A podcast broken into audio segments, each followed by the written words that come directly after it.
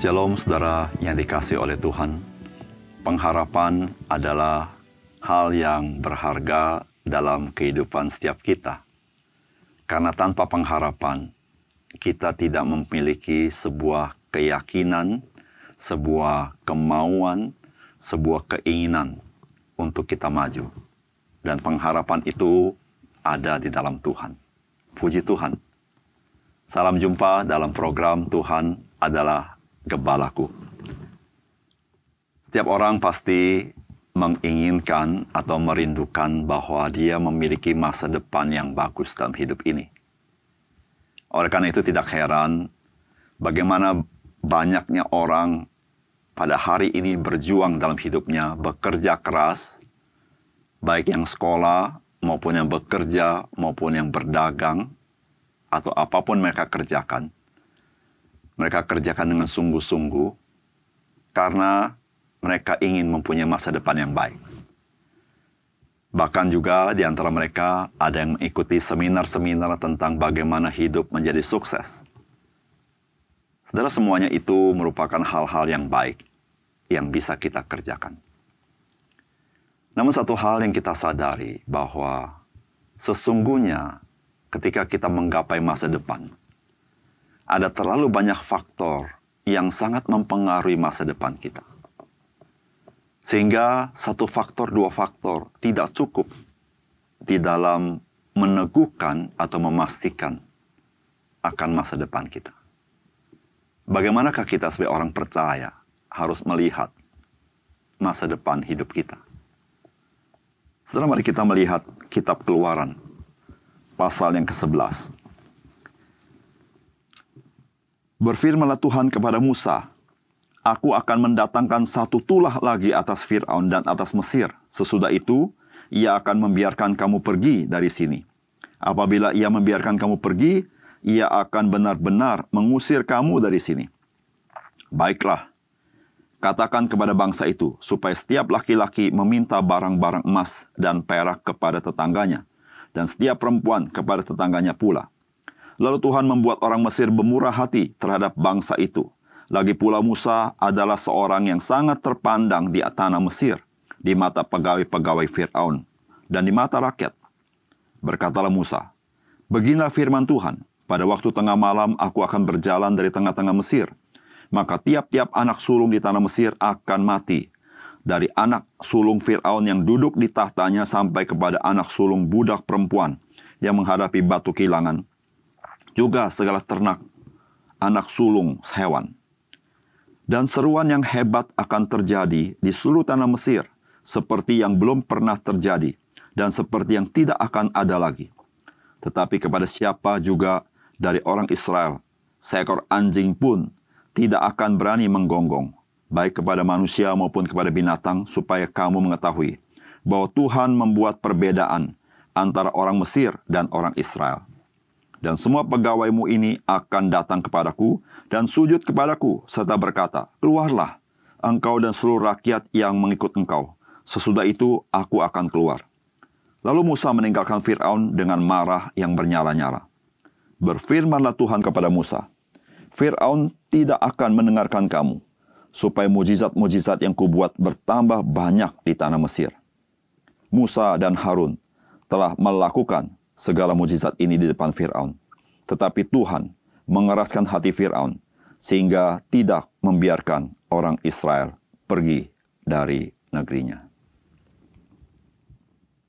Saudara yang dikasih oleh Tuhan, bagian firman Tuhan yang kita baca hari ini memberitahukan kepada kita bahwa pembebasan bangsa Israel dari tanah Mesir merupakan karya Tuhan semata-mata.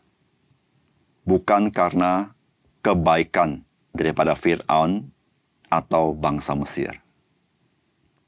Mereka merdeka, bebas dari tanah Mesir, semata-mata kasih karunia Tuhan. Apakah pesan firman Tuhan? dari bagian firman Tuhan yang kita baca hari ini. Yang pertama, Saudara firman Tuhan mengajar kepada kita bahwa segala sesuatu itu berada di dalam kendali Tuhan. Hal inilah yang kita baca di dalam ayat yang pertama Dan ayat yang kedua, Berfirmanlah Tuhan kepada Musa, Aku akan mendatangkan satu tulah lagi atas Fir'aun dan atas Mesir. Sesudah itu ia akan membiarkan kamu pergi dari sini. Apabila ia membiarkan kamu pergi, ia akan benar-benar mengusir kamu dari sini. Baiklah katakan kepada bangsa itu supaya setiap laki-laki meminta barang-barang emas dan perak kepada tetangganya. Dan setiap perempuan kepada tetangganya pula. Ayat yang ketiga. Lalu Tuhan membuat orang Mesir bermurah hati terhadap bangsa itu Saudara perhatikan, bagaimana Tuhan, dialah yang mengendalikan segala sesuatu. Fir'aun tidak rela bangsa Israel pergi.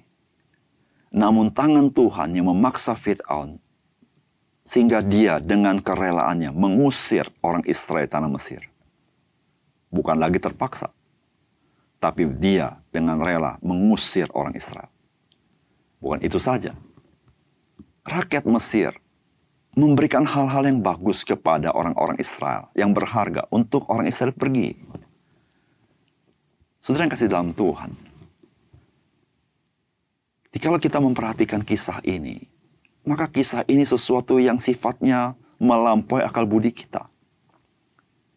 Bagaimana mungkin Fir'aun yang mencari keuntungannya bagi diri sendiri akhirnya mengusir orang Israel dari tanah Mesir? Dan bagaimana orang-orang Mesir yang melihat orang Israel sebagai orang asing.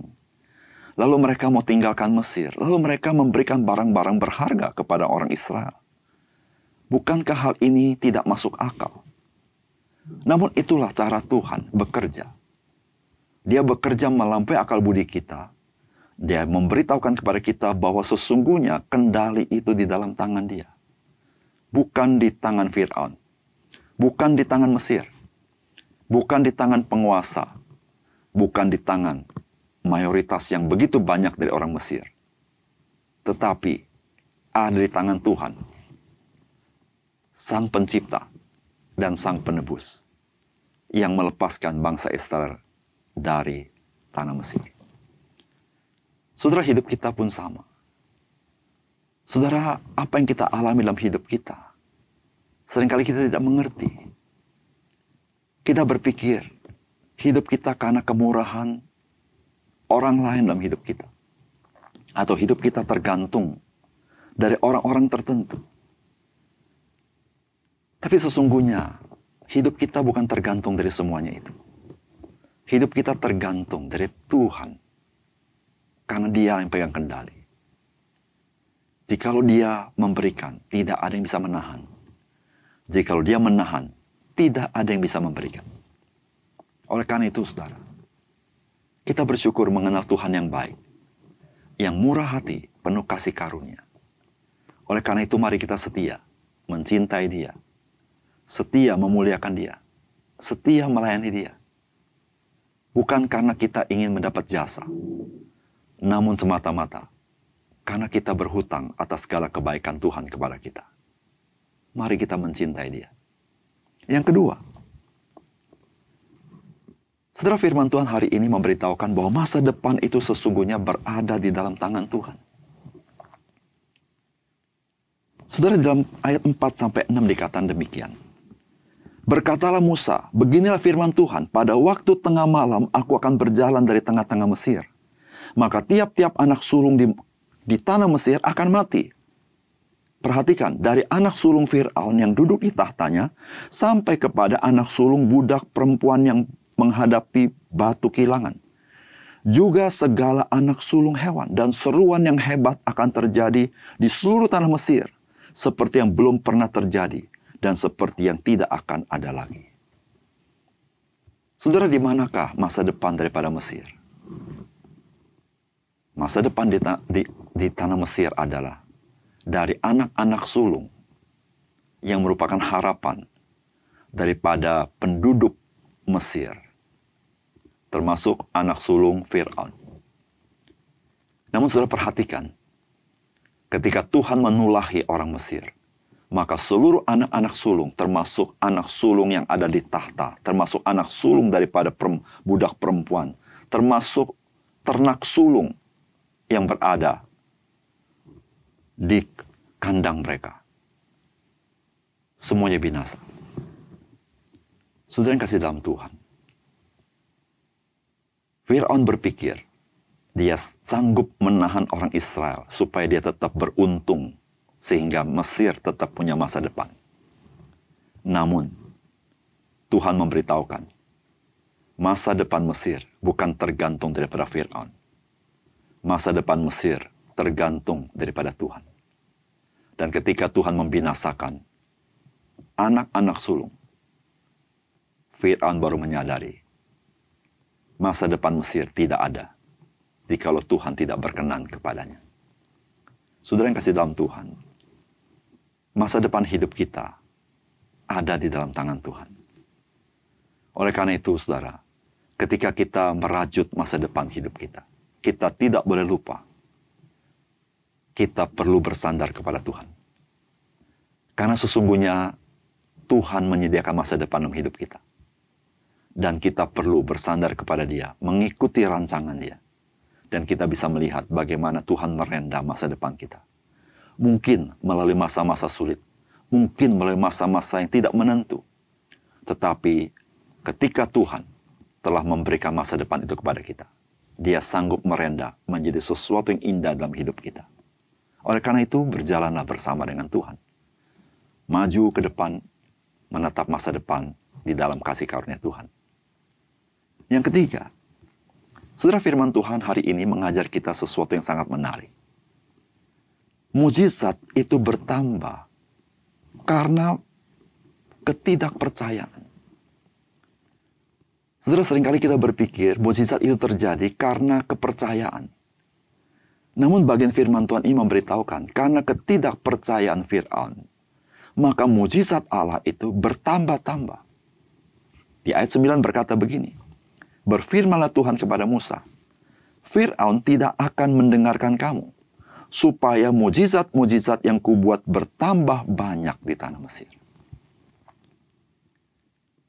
Saudara, bagian ini sungguh kontras dengan apa yang kita pikirkan.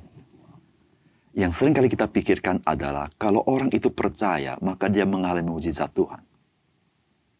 Saudara, tidak ada yang salah. Orang percaya mengalami mujizat Tuhan. Namun saudara-saudara yang kasih dalam Tuhan, seorang percaya, dia akan terus percaya meskipun dia tidak melihat mujizat Tuhan. Justru Allah menyatakan mujizatnya supaya orang tidak percaya, dia boleh percaya kepada Tuhan. Karena orang tidak percaya, mereka berpikir dunia ini hanya alam saja. Namun dunia tidak ada Allah. Oleh karena itu Allah menginterupsi kehidupan manusia. Caranya bagaimana? Yaitu dengan membuat mujizat-mujizat yang besar di tengah-tengah dunia ini.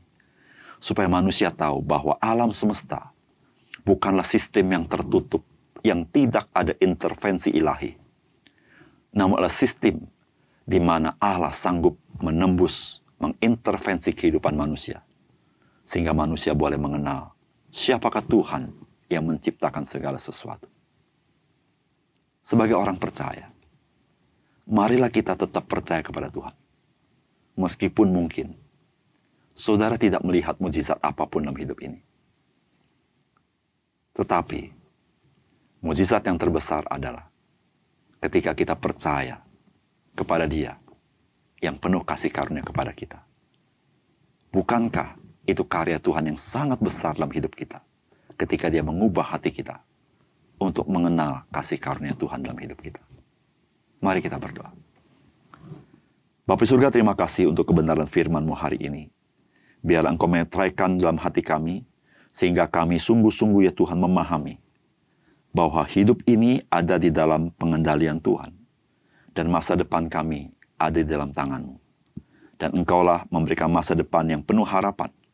Karena di dalam Tuhan kami mengalami kemuliaan demi kemuliaan.